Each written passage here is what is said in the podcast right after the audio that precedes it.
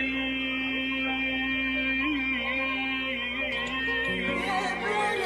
you.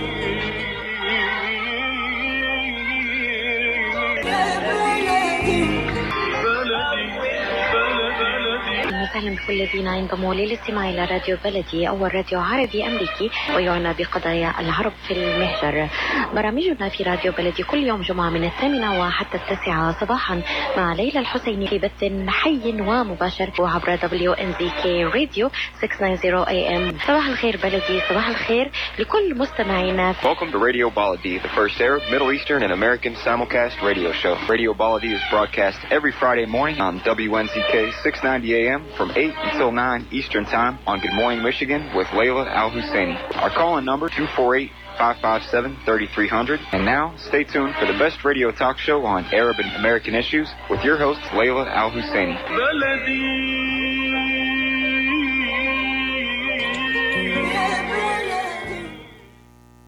Good morning and thank you for being with us. This is the Local Connections with Khalil Hashim, editor via Michigan.com, the fastest growing digital business magazine in the Middle Eastern communities in Michigan. Welcome to this sunny day in Michigan and thank you for being with us. The number here is 248 557 3300. Please give us a call should you have a question or a comment. Uh, today, today's program is is is unfortunately a, a, program from the Middle East that we don't like to talk about. We don't want to talk about. We we're hoping that we don't have to talk about, but it is the news. What started as a routine eviction for Palestinians or of Palestinians from their homes in the uh, the Sheikh Jarrah neighborhood in East Jerusalem, it is turning into a violent war between Israel and Palestinians in Gaza. So far, more than 100 people have been killed, including women and children, mostly Palestinians. Today, Israel is massing, is amassing troops along the border with uh, Gaza, and a ground war, uh, ground war could be imminent. Are we getting into a real war? Is Israel planning on invading Gaza? What's the Arabic reaction? With us this morning to discuss the recent development in Gaza are Dr. Hani Bawardi, an associate professor of history and Arab American Studies in Michigan, Dr. Khalid Jahshan, a Palestinian American political analyst and uh, uh, a media commentator in Washington, D.C., Dr. Roth, uh, Brad Roth, a professor of political science and law at Wayne State University in Detroit. Gentlemen, good morning and thank you for being with us. Thank you. So, Dr. Jahshan, what's going on? I mean, what's the recent development? This is really a very sad, sad time in in uh, Palestine. It is a very sad time and uh, definitely a dangerous uh, times for all uh, concerned. And what happened uh, there that prompted all this series of events the past uh, few weeks, but specifically the past few days, uh, did not happen uh, in in a vacuum. I I think we have to kind of put it at, the, at least at the beginning of our discussion in a little bit of uh, context because that will determine essentially the magnitude, the duration, and the impact of what has happened. Sheikh Jarrah was a very small incident, essentially that is not new. It, it, it goes back to the beginning of the uh, Israeli occupation back in uh, 1967. Uh, a year after that, of course, Israel annexed the area there, Jerusalem and, and, and, its suburbs. And the few families that lived in that neighborhood, Sheikh Jarrah, have been challenged all along for the past at least 40 plus years in Israeli courts. Uh, trying to dispossess them, to, to move them out of that uh, area and give it back, quote unquote, to uh, original owners, according to the Israeli government, uh, who happen to be, of course, uh, Jewish, which is viewed as an arbitrary act of uh, dispossession uh, and dispersion by the uh, Palestinians. But in, in typical of all protracted conflicts, as the professors would agree with me, I think, protracted conflicts tend to surprise us. They tend to be dormant for a while, but then all of a sudden, in a moment of enthusiasm, a small normal event under normal circumstances would be uh, somewhat, um, you know, handled uh, normally, uh, will explode uh, and become like a moment of enthusiasm that will revive uh, the conflict. That's exactly what happened here. Sheikh Jarrah became a microcosm of the uh, Palestine uh, question that has been dormant, uh, begging for a solution uh, for 73 years, as we know What- today. what's, what's the recent development, Dr. Uh, What's going on today? Uh, today, uh, escalation is continuing. Of course, we know a few days ago, uh, Gaza uh, came to the rescue, if you will, uh, and, and not only uh, Gaza, but Gaza because of the kind of uh, uh, military aspect uh, to to the intervention there.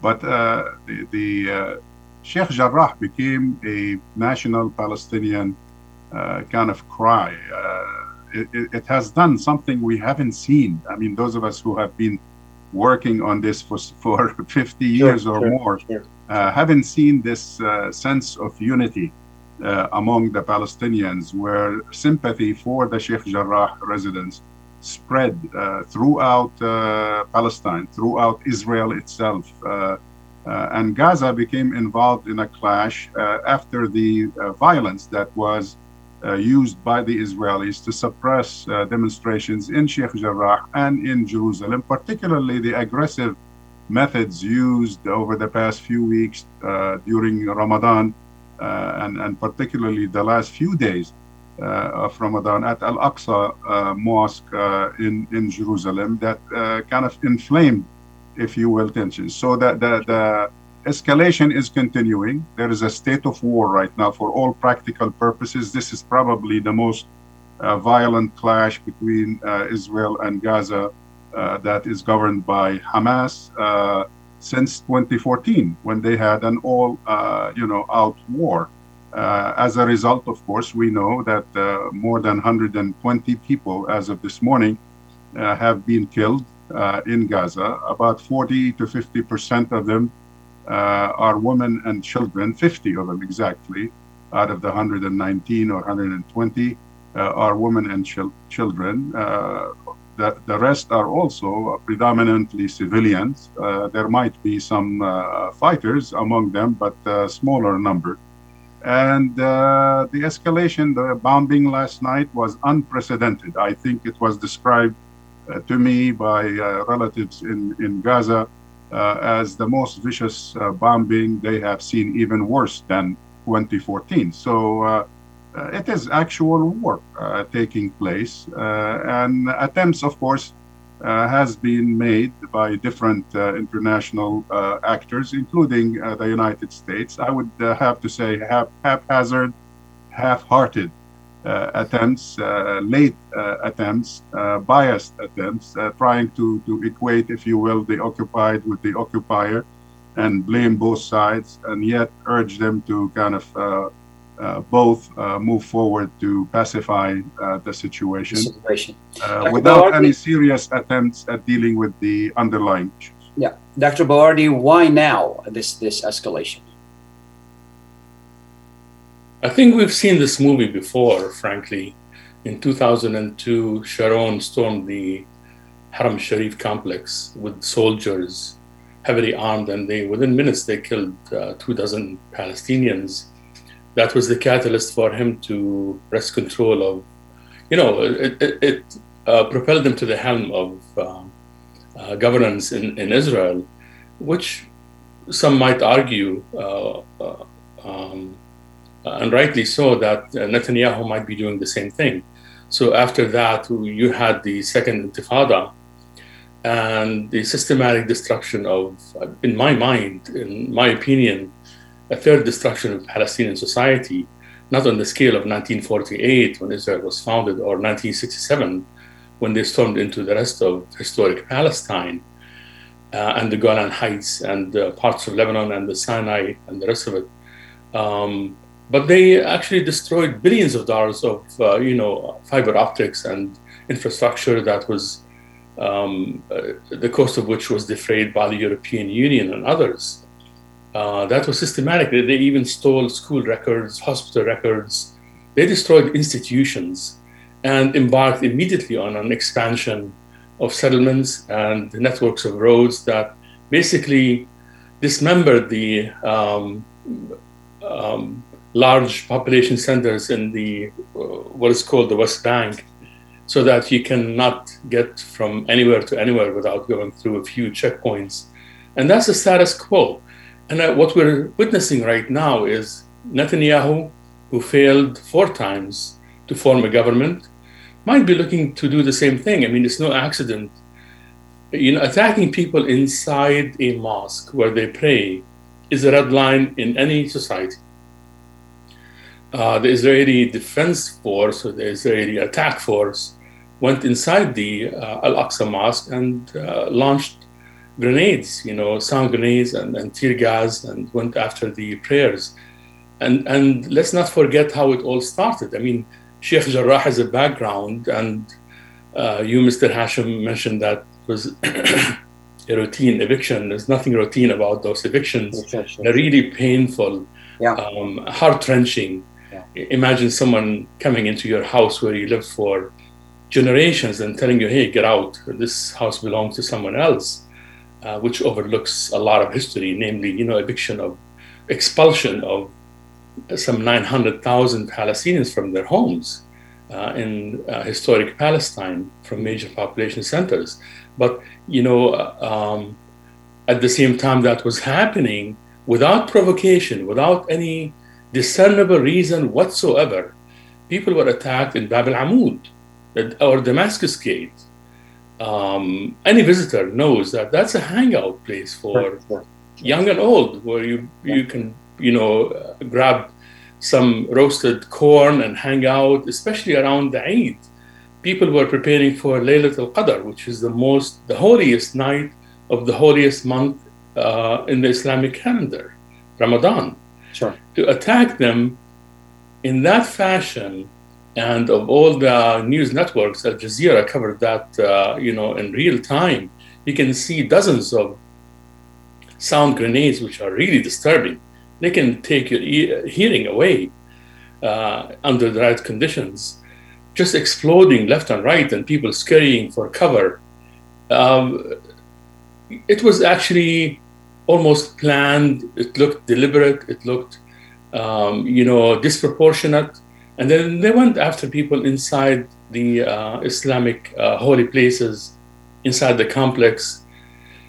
Um, and that was a signal that this uh, actually took on a different uh, feel to it. And that's when I think Hamas and others said, hey, stop, you need to stop, or else. Sure. And Hamas acted on their threats. And just so we have things in, in proportion or in perspective, the entire arsenal of Hamas does not equal the firepower or the explosive loads of a single uh, F 16. They did what they can uh, because at some point we all acknowledged people's right to self determination living under occupation by all means necessary, including direct action. You have to bump back. That kind of fell by the wayside because of um, Palestinian ineptitude. Frankly, this peace process basically became like a fog. It was a, a non starter. Then it went from nowhere to nowhere. And people lost sight of the dire conditions Palestinians live under uh, inside uh, the West Bank, but also inside the pre 1948 territory in Al Muthallat, you know, in the Galilee, in population centers all across uh, historic Palestine inside Israel. Uh, those are living as you know second-class citizens. Maybe we'll talk about them for a little bit, but uh, just to follow that that chronology of what happened uh, recently, as uh, Dr. Jahshan pointed out, um, this took on a life all its own by the disproportionate, deliberate action by the Israelis. Hamas reacted, and then, as Dr. Jahshan pointed out, there was this you know symmetry or as the Department of State and the White House and most of the media outlets, the you know the networks and, and cable news outside social media, they say, oh, there's a war between two parties.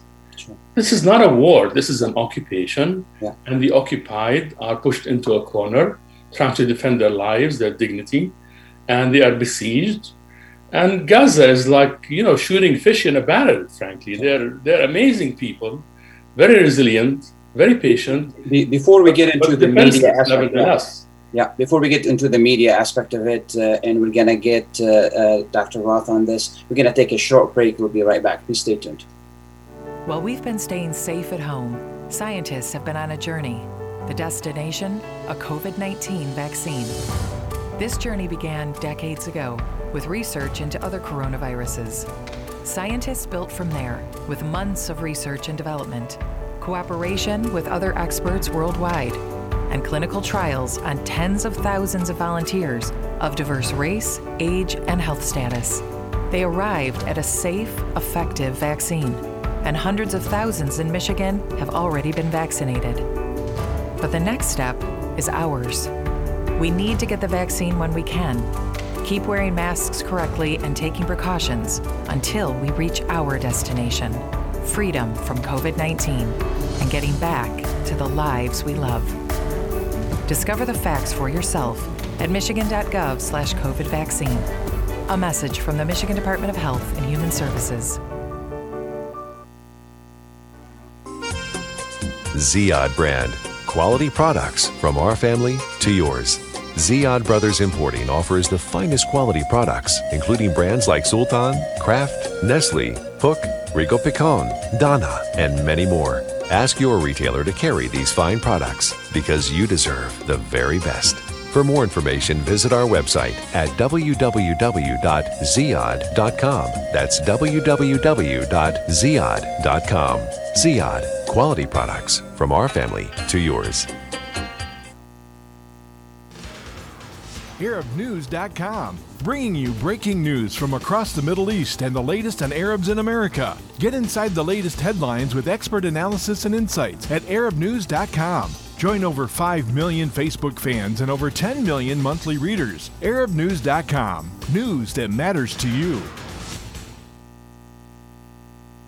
Get ready for an amazing experience at Ishtar Restaurant on 15 Mile Road in Sterling Heights. Enjoy excellent hospitality from owners Ali Al and Fatty Bonham, serving the best in Mediterranean food. Try Chef Ali Al famous shawarma, the best Iraqi grills and food, and the best Arabic and international dishes. Dine in our authentic atmosphere or take out. Call 586 698 2585 or check us out on Facebook. Ishtar Restaurant practices all CDC guidelines and is open every day 11 a.m. to 10 p.m. Have an amazing experience today at Ishtar Restaurant, 3625 15 Mile Road, Sterling Heights.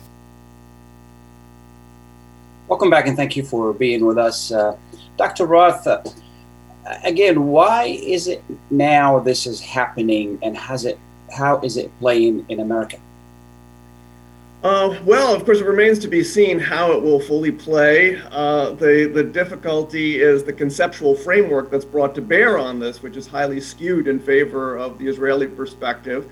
Uh, the United States has set itself up in this odd way of, on the one hand, proclaiming itself as an honest broker, uh, and on the other hand, uh, really taking the position that there is no gap between its own stance and, and that of the state of Israel on crucial questions. One of the things that's happened here and was remarkable about this current situation uh, is a challenge to an aspect of the conceptual framework because what the Israelis have managed to do uh, has been to fragment the, the, the conception of Palestinian peoplehood. Um, whereas we understand Palestinian people as having a right to self determination collectively, um, the way in which this has been framed by the Israelis has been to fragment Palestinians into five separate groups uh, residents of the West Bank, residents of the Gaza Strip, residents of East Jerusalem, uh, diaspora Palestinians, and Arab citizens of Israel. Uh, remarkably, by its own provocative policies, the Israeli government has uh, collapsed some of those distinctions, as we're seeing in this current crisis uh, where you have uh, people who have not been mobilized in the past uh, in places like Lod and Acre, uh, who are engaged in in uh, violent actions now, uh, as as well as of course Hamas firing rockets in support of what's going on on the ground as people are resisting encroachments in East Jerusalem. Um, so it becomes harder and harder for this narrative to continue. And harder and harder, I think, for the Israeli government to make the case that it is operating within the, the very premises that is established for itself. Dr. Jahshan, uh, this is is this the right time for Hamas to get involved in this? Uh, you know, escalated into a war. Uh, there is never a right time for uh, escalations and resorting to uh, violence, but uh, at the same time, you have to kind of keep in mind uh, what's happening here. What's happening is, is not in a vacuum, it's in the context of an ongoing occupation that has uh, lasted for more than half a century, going back to a problem that started 73 years ago, uh, the Palestine issue, and that continues to beg for an answer. So occasionally, in, in this type of environment, uh, you have this uh, almost like primal scream uh, by those under occupation uh, looking for a dignified way out, uh, saying essentially enough is enough. And it was particularly in the in this case was further inflamed by the methods used by the Israelis, what my colleagues have referred to earlier in terms of the treatment of the families uh, in Sheikh Jarrah, in terms of the attacks on worshippers during Ramadan and during the holy uh, season. Uh, and and uh, uh, the the harsh measures used against essentially at the beginning peaceful demonstrations in different Israeli cities. So people are not willing to take abuse anymore. They they have reached a saturation point, and that includes uh, Hamas. Uh, and and uh, of course, uh, the the uh, provocation, you know, used by the Israelis is, is usually it tends to be ignored, and and always like people say, ah, 2,000 rockets have already been launched by Hamas against Israeli targets. Well, you know, 800 Air Force uh, attacks, uh, bombings have taken place also on civilian uh, targets, mostly in, in Gaza, in the Strip. you know, killing more people, 10, 10, sure. 10 to 1. You know, I don't want sure. to compare ratio. Life is sure. precious across the board. Sure. Uh, but uh, you know, in analyzing a tense situation like this, one has to be fair, and one has to, to be sensitive to the to the views uh, also on the victim's side. Um, Dr. Bawardi, when I use the word routine, meaning that uh, this has been going on for some time, not just right now, the eviction of people from their homes, whether it is in Jerusalem or in any other places. How long? I mean, if you look at the map between 1948, the portion for Palestinian land, and what you have now is, what is it, 16% we have now? We're talking about land for Palestinians? it may be less than that. Is that correct? Well, the hope was that, you know, what remained of Palestine, which is less than 20%, would have been a viable Palestinian state. That went out the window. It almost makes no sense to talk about land proportion anymore because they are incontiguous. You know, in the beginning, we thought that, you know, Palestine, uh, after so many concessions within that failed peace process, might look like a Swiss cheese and you know uh, the settlements will be the holes in the Swiss cheese, to use the analogy used by Eqbal Ahmad at the time. As a matter of fact, uh, um, what turned out to be true is that the holes in the Swiss cheese are the Palestinian cities. So uh, actually, it's a moot point anymore. I was in last time I was in Ramallah. I visited the Mahmoud Darwish Museum, and this this is in the middle of Ramallah, and I was looking across the field to this empty lot in a city that is, you know, very, very crowded. Streets are very narrow, um, and the building codes are like trying to do their best in a very crowded city. And I said, how come all this field is empty? And I was told that was Area C. Uh, that would have been part of what would have, uh, we hoped, would be a Palestinian state. And now the Israelis reached a point where they're building on Area C and there's nothing to stop them. So, what you're talking about is that there's an, a total eclipse of international conscience when it comes to the Palestinians or lack of political will.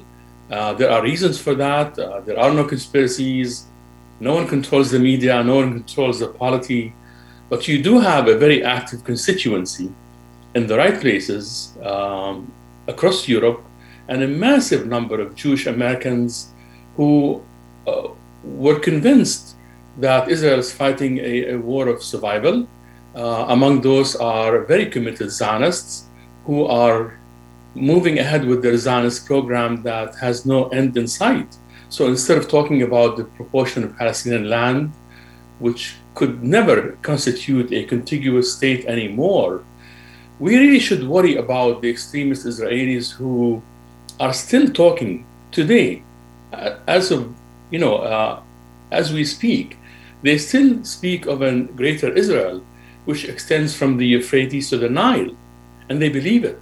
At some point, as a matter of fact, that map was on the five agura or the five cent equivalent in Israel. It's no longer the case anymore, but they believe that. And behind them, there is a constituency of Christian Zionists uh, in the West, especially in the United States, 100 million strong, that frankly take the blame for scuttling the peace process at some crucial point in the past. Yeah.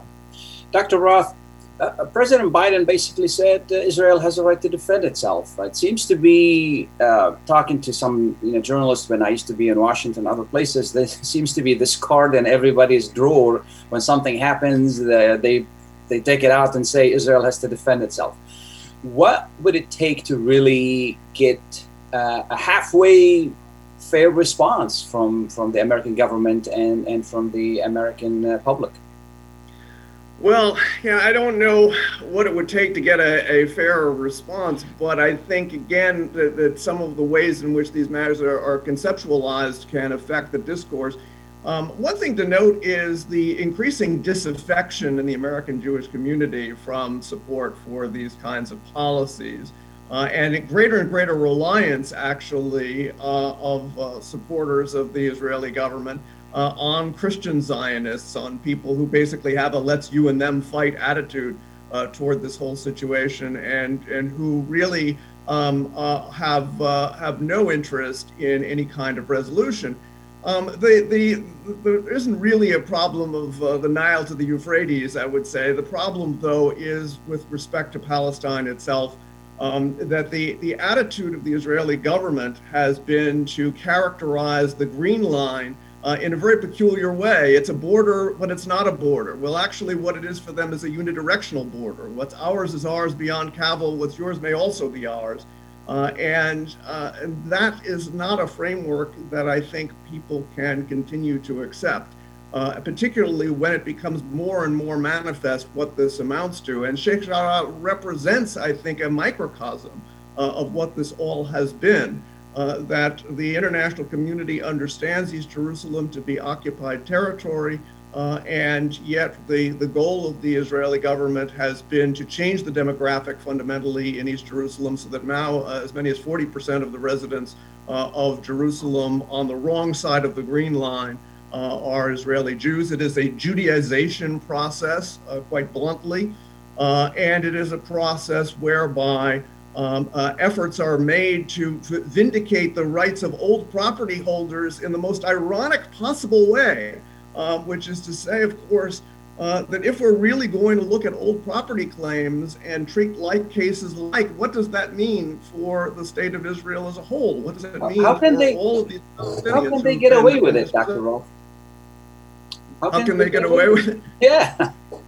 I mean, here, here's we have uh, annexation of the Golan Heights. Uh, now, Mr. Netanyahu is talking about annexation of the West Bank, uh, evicting people out of their homes They've been living there for hundreds of years, and uh, so forth and so on. You know, bombing of Syria on weekly weekly basis, which is nobody wants to talk about that.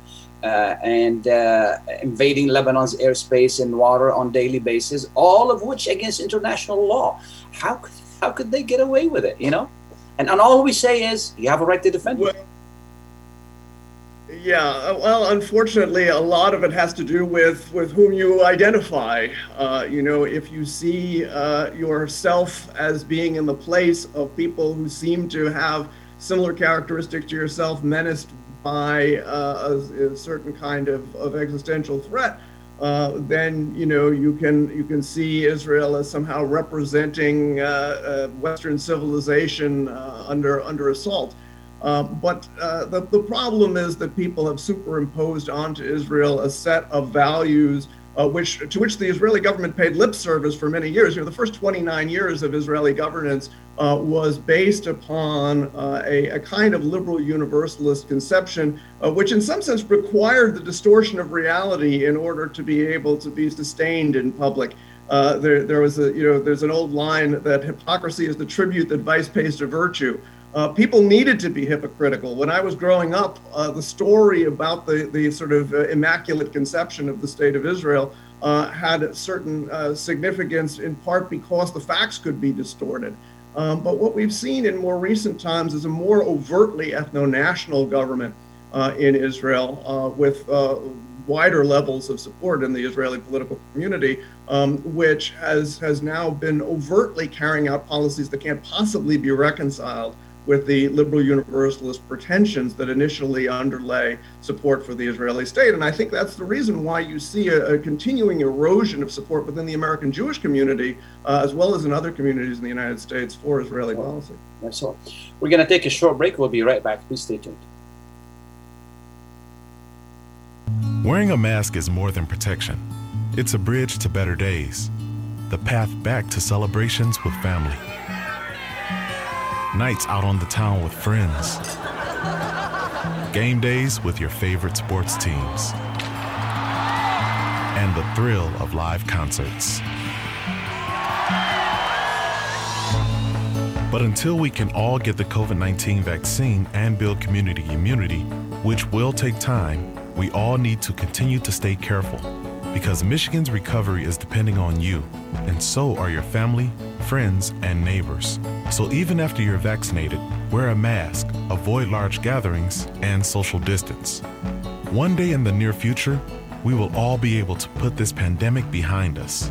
But until then, spread hope, not COVID. Learn more at michigan.gov/coronavirus. A message from the Michigan Department of Health and Human Services. Enjoy the first Syrian style cuisine in Michigan. At Damas Cuisine and Catering, you'll find a wide selection of Syrian foods and sweets in our menu, like frikeh, poisi, grape leaves with steak, mishawi platter, hot mahashi, char grilled kebab, shawarma, and much more. Get super fast delivery from Damas Cuisine and Catering right to your door. Order online at damascuisine.com forward slash menu and track your order live. Damas Cuisine and Catering, 28841 Orchard Lake Road in Farmington Hills. Call 248 987 4985. Are your hands feeling numb? Do you feel pain opening up a jar, turning a key? Are you noticing that your elbow and your shoulder are becoming stiff? Or were you recently injured in your arm? Hello, I'm Dr. Albanjit Katranji, and at the Katranji Hand Center, which just recently opened down the street from the Somerset Mall, we can provide you with the latest in hand, wrist, elbow, and shoulder care. Visit us at www.katranjihandcenter.com to learn the latest techniques that we have to offer you, and I look forward to taking care of you. Visit us in Troy at 1565 West Big Beaver Road, Building F, or call Katranji Hand Center for an appointment at 248 869 4263. That's 248 869 4263. When you're looking for the best in optical care, Dr. Imad Nakash is your doctor to see. With years of experience and thousands of successful procedures performed, you can trust your eyes to Dr. Imad Nakash. See Dr. Imad Nakash and his professional staff for your eye care needs. There's two locations to serve you. In Hazel Park, call 248 336 3937. 248 336 3937. In Rochester Hills, call 248 299 3937. That's 248 299 3937. Welcome back and thank you for being with us. Uh, Jerry is on the line. Jerry has a question. Go ahead, Jerry, very quickly, please. Thank you, Mr. Khalil Hashim. Before anything, I said Eid Saeed, Eid Mubarak. I'm sorry, it's not very, very, very happy Eid, but to all my friend Muslimin, Eid al-Fitr al-Sa'id lakum. Okay, what's the question, Gary? My question is, Mr. Khalil Hashim, uh, don't you think the split of the leadership of Palestinian, one on the West Bank and one in Gaza Strip, that comes for advantage of Israel because the Palestinian leadership is split, and that make it uh, weak uh, toward the Palestinian uh, issue. Uh, the other question, please, where is Russia and where is China as a superpower? I don't hear nothing uh, ab- about it. I would appreciate Okay. the answer and Thank thank, you, you, for you, Yeah. uh, Mr. Khalil Hashim, and your Thank you, distinguished guest. Uh, Dr. Jahshan, what the, the, the division among the Palestinians, does that make them uh, weaker? I mean, should Israel trust them for that?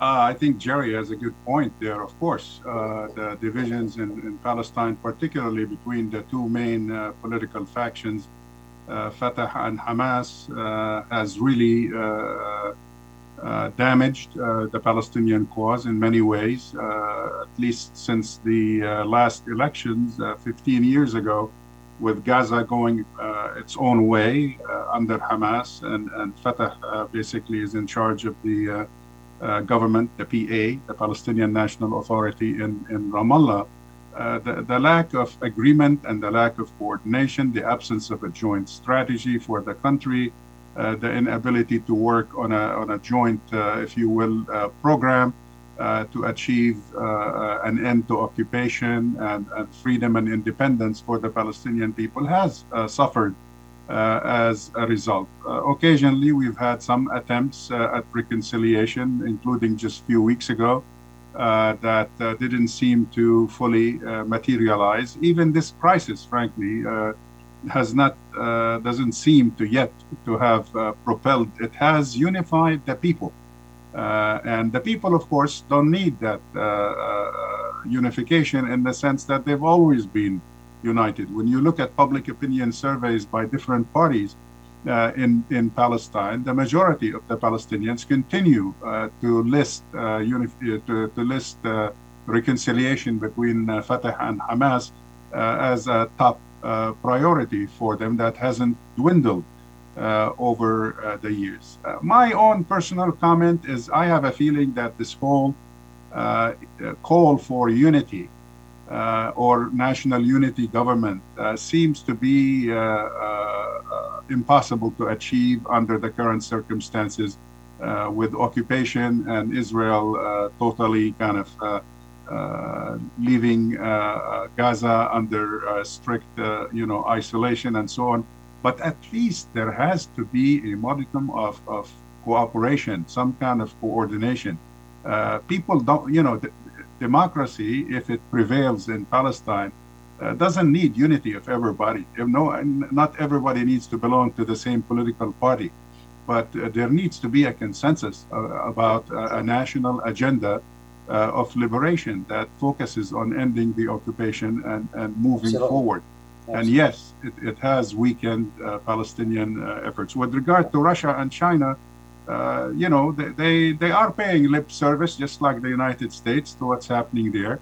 Uh, they both have their own interests, uh, although they have been a little bit more forthcoming, probably, uh, than the Biden administration. I noticed in the uh, efforts the last few days at the United Nations, uh, you know, China was uh, pushing for a, uh, a special meeting, emergency meeting, to deal with the deteriorating situation in Palestine, which, wa- by the way, was blocked by the United States of all parties, and which ne- negates actually uh, its claim in, in Washington that it wants a ceasefire and it wants the parties uh, to kind of uh, slow down. Same thing with the, you know, the, the, the meeting that China proposed, uh, you know, together with uh, Tunisia and, and uh, another uh, European uh, parties to have a virtual meeting instead, open but virtual meeting to discuss a ceasefire. That was also just, you know, two days ago, blocked by the United States. Absolutely.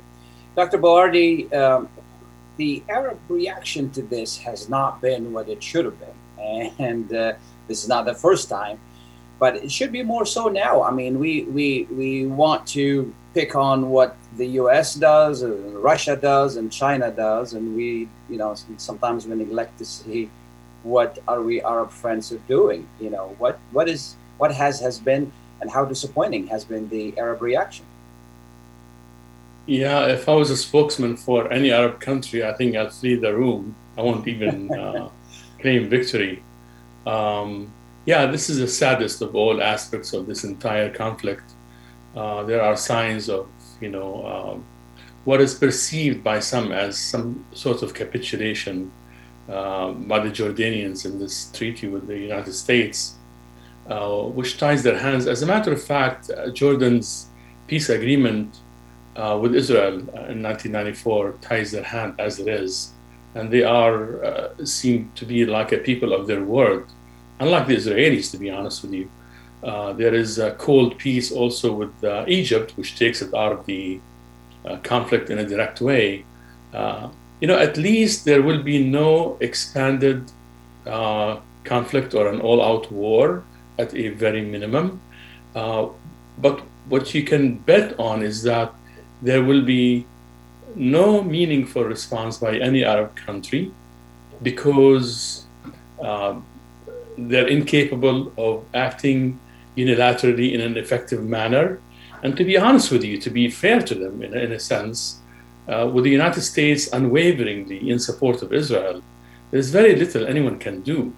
Uh, they already bumped back or pushed back against the UN resolution or uh, a meeting by the Security Council, which met anyway.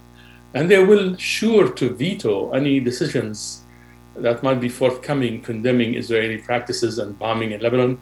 In fact, they're unwilling, as you've heard uh, uh, my colleagues mention, uh, to intervene to stop the indiscriminate bombing by the Israelis in Gaza, who are preparing to storm the place. So there will be nothing will come out of the Arab countries. In fact, what I would like to mention is that uh, activists in the diaspora are doing are carrying most of the burden. And uh, more exactly, exactly. I mean, right now the Gulf states have relations with Israel. Uh, Saudi Arabia is very close to Israel. Saudi Arabia spends hundreds of billions of dollars fighting in Yemen. There's a lot of resources can be devoted to that.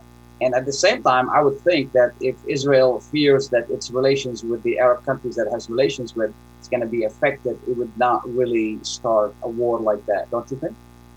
I think all you have to consider is that, you know, by virtue of investing $1 billion in, in an Israeli gas line to supply Europe with gas, which will inevitably make Israel a, an economic regional power, um, you can only expect silence from the United Arab Emirates uh, under these uh, circumstances.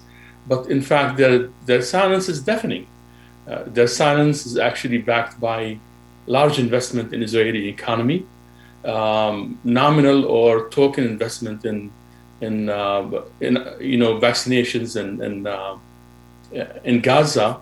I doubt they will invest enough to rebuild all those buildings that Israel is knocking down, even if they do, you have to wonder what's going on here. So we build buildings for Israelis to knock them down. So I think we all know that the failure or the collapse of the Arab Spring uh, by brute force from abroad and by the Arab regimes all but hindered or uh, changed the equation to prolong the conflict and the suffering of the Palestinians. There is no danger of war. That's good. I mean, an all out war. Uh, but for the Palestinians, that actually can't be good news because their back is against the wall, virtually. They have nowhere to go, no one to turn to. The geopolitical situation changed such that there is no a breadth or strategic, you know, alliances that can be relied upon. Uh, any regional power is struggling to fend itself against Western pressure. Um, I don't want to include Iran in this equation. It's not an Arab country. Um, I'm, I'm not sure Iranians really care about Palestine as much as we are led to believe. Uh, uh, the same goes for Turkey, they, which they, are, they are they are supplying some weapons and money to the Palestinians, are they? The Iranians? I have no evidence of that happening whatsoever. In fact, those makeshift rockets uh, very often don't have explosives on them. They're just a psychological means of saying, "Hey, we're here. We exist." was, yeah, it was the Palestinian something." leadership who, uh, uh, in their reports recently, said that they've been receiving uh, support from Iran.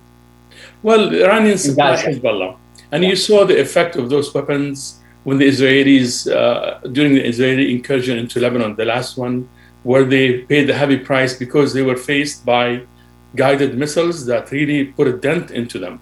You don't see that in Gaza.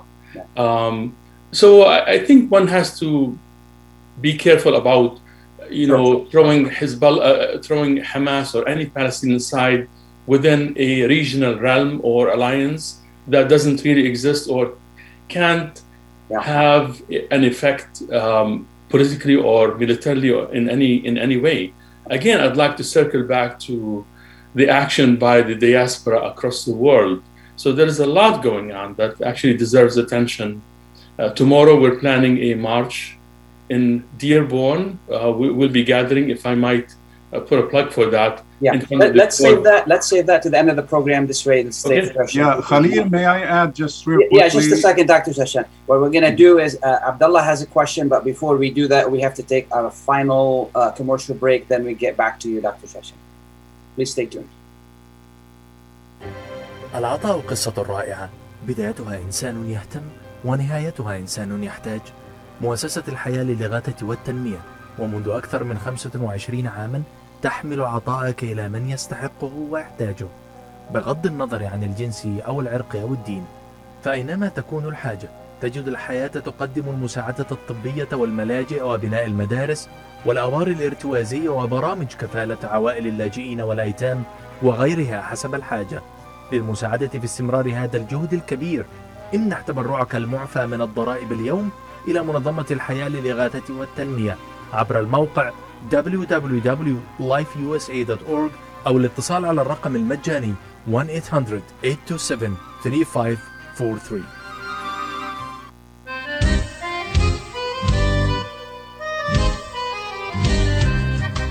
New concept products and design. بإدارة ناجي عبود هل تحتاج فتح مطعم؟ هل تحتاج فتح محل المواد الغذائية؟ هل تحتاج تصاميم وخرائط؟ اتصل بناجي عبود على الرقم 734-744-9796 هل تريد شراء معدات المطابخ والمطاعم وبأسعار مخفضة وتسهيلات بالدافع؟ اتصل بناجي عبود الآن على الرقم 734-744-9796 خصم 5% عند الشراء ب 75 ألف أو أكثر على كافة المواد لمزيد من المعلومات زوروا موقعهم الإلكتروني على www.newconceptproducts.com. أو زوروهم في موقعهم الجديد 31185 Schoolcraft in Livonia. ناجي عبود العلامة المميزة في عالم المطابخ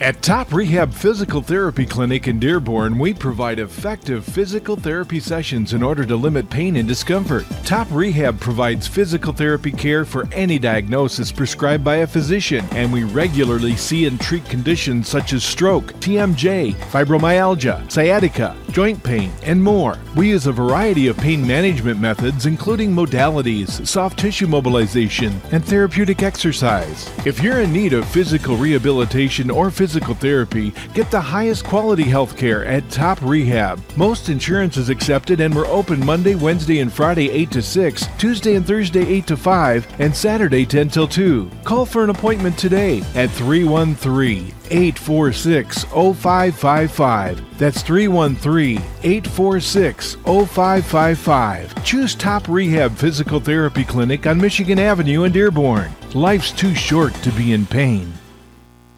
Welcome back and thank you for being with us. Uh, Abdullah has a question. Go ahead, Abdullah. Hello, uh, good morning, and uh, hi to your uh, distinguished guest. and you. I wanted to first of all to thank you guys for the U.S. Arab uh, media coverage for the uh, happening in Gaza by your uh, agent in Gaza, and uh, also uh, thus uh, Mr. Al Hadi is like talking in in uh, Russia today about the issues. My question is, what is the expectation of the United States to do to eliminate the violence coming from Israel? They're gonna like do anything, or what is the opinion of your guests? Thank you, uh, Dr. Roth. Thank you. Well, one one of the problems is that, and this pertains to some of the things that have been discussed earlier. The United States has taken a strong position against any kind of multilateralizing of these issues. The the goal has always been to try to frame this in terms of Israelis and Palestinians needing to work things out uh, among themselves.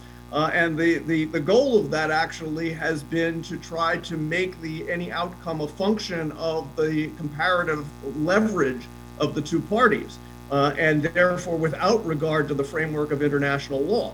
Uh, that that has been the strategy all along, and I think it will continue to be the strategy uh, to try to avoid uh, pressure from the international community to enforce norms of international law.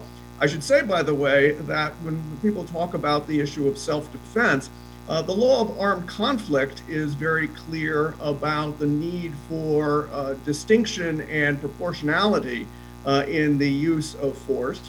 Uh, and there, it is clear that you cannot target civilians, you cannot have indiscriminate attacks, but you also cannot use the existence of military targets as an excuse to inflict disproportionate harm on civilians and civilian objects. Uh, and so the, the standard is whether the use of force is excessive uh, with respect to the concrete military advantage uh, of the attack. Uh, and here, the, the reason for the framing of that standard in this way is to avoid having states use as a pretext the existence of the military target in order to inflict damage and intimidation upon the civilian population. And I think that we are seeing that in the exercise of force by Israel at this moment in the Gaza Strip. Uh, and this should call forth a substantial response, as I know it has, from international law uh, organizations and human rights uh, and humanitarian law organizations around the world. Um, so we might uh, hope for for some sort of uh, response uh, in in regard to these matters, but unfortunately, if past is prologue, uh, not much reason for optimism. Sure. You know, this, Dr. Roth, the Israeli lobby is very, very powerful in America, and you know, if if if Jewish Americans want to change American policy, could they work together with Arab Americans and try to convince the American politicians that uh, you know this is not fair and we should do something totally different? I, I, think you're just going to see more and more of this over time. That people are coming to the realization that organizations that they have supported in a kind of knee-jerk way because they represent Jewish identity, but they never really kept track of what those organizations were actually doing in their name um, they come to uh, the realization over time uh, that what purports to be in service of their values and their sense of identity actually is just the opposite. Um, that most American Jews, in fact, take very seriously considerations of human rights and humanitarian law uh, and want to disassociate themselves from these kinds of actions. Um, and it's easy, of course, to, uh, to, to, to, personify this in Netanyahu, which mo- who most American Jews actually uh, are repulsed by. Um, but the problem, of course, goes much deeper than that. Uh, and uh, and the, the, the, question is how far American Jews can come to realize uh, the extent to which what they the, the values that they've superimposed upon Israel actually are not the values that animate Israeli policy. Absolutely. Dr. Jahshan, you were going to say something before we went on break. Uh, yes, uh, you know, I, I uh, just wanted to add a little bit, uh, although I agree fully with uh, my friend Hani's uh, assessment of, of, what he, you know, was talking about in terms of Arab support or lack thereof. just imagine if the six Arab countries that have full diplomatic or some diplomatic representation in Israel, including the four, you know, recent normalizers, with Israel if they, uh, in the context of the Gaza situation, withdrew their diplomatic representatives from Israel. Just think of the impact for a moment uh, that would have had on Israeli public opinion that's already demoralized for all kinds uh, uh, of, uh, of reasons. Two, I just would like to add the fact that despite this erosion in, in or paralysis in Arab official uh, reaction to the situation. Uh, the fact of the matter, the Arab public is on the opposite uh, side of, of, the track on this. uh, doesn't agree uh, with uh, most of the governments. Public opinion surveys, Arab Opinion Index, and others. Arab Opinion Index is Arab Center's annual surveys or poll in more than 12 Arab countries at a time. some of them range like Algeria, 96% consider the Palestine issue their cause even in Saudi Arabia, Emirates, and other Gulf uh, states, uh, even those uh, with some sympathies uh, to the uh, Israelis' uh, public support for Palestine has not fallen below 60 or 70 percent. I, I, think the, the, the, new media has shown us that there is even an uptick, a rise in public support for the Palestinians as a result of this pressure. Yeah, because normal normalization basically you're validating Israel's behavior, isn't it? Uh, normalization has proven to be, or Gaza has proven that normalization is not the wave of the future. Yeah. Absolutely, absolutely. We don't have a lot of time left, so what I'm going to do is I'm going to ask each one of you for your final thoughts, and the last person I'm going to ask to do that is Dr. Bawardi because he has an announcement to make about uh, the. Uh, the event on Sunday. So I'm going to start with Dr. Roth. Uh, final thoughts, please. Um, well, I think that it's very important that people recognize the the extent to which what is going on now really violates fundamental principles of international law, uh, international human, humanitarian law, international human rights law, international law of self-determination, uh, and that these are standards that need to be brought to bear on the conflict um, and not uh, we cannot uh, afford to allow a situation in which merely the balance of power uh, in respect of this conflict uh, dictates the terms of outcomes. And so that's what I would uh, would like Thank to you. see people assert. Thank you, Dr. Jahshan, One minute, please. Uh, quickly, yeah, I, I, think it's important to point out uh, to your uh, listeners and viewers that annexation is not an exceptional kind of event uh, in terms of Israeli strategy or even the, the, Zionist enterprise in Palestine. The idea of dispossessing uh, the native population of Palestine and dispersing them uh, has been almost like uh, the breathing process uh, for the for Zionism from the very uh, from the very beginning of that enterprise in 1948 and, and before. I agree with Professor Roth that changes is a sea change in the Jewish community uh, to the point where the former uh, ambassador of Israel, Dermer, the other day, just is telling Israelis ignore the Jewish community and focus on evangelicals uh, for their knee-jerk uh, reaction of support uh, to Israeli abuses. Thank you, uh, Dr. Bawardi. Last, last, last words and last thoughts. Final thoughts. Um, perhaps the last thought would be to remind everyone, ourselves especially, to defend people's right to speak their minds and to criticize Israel the International Holocaust Remembrance Alliance actually uh, came up with this definition of anti Semitism that includes any criticism of Israel which was weaponized by the Trump administration. I'll stop with that, and I'd like to yeah. see us come together, I hope, with the considerable experience and knowledge uh, Dr. Jahshan and Dr. Roth can bring to talk about that. And finally, just a couple of announcements very quickly. So, tomorrow, the uh, Palestine Youth Movement, PYM, will be holding a rally at the Arab American National Museum at 2 o'clock.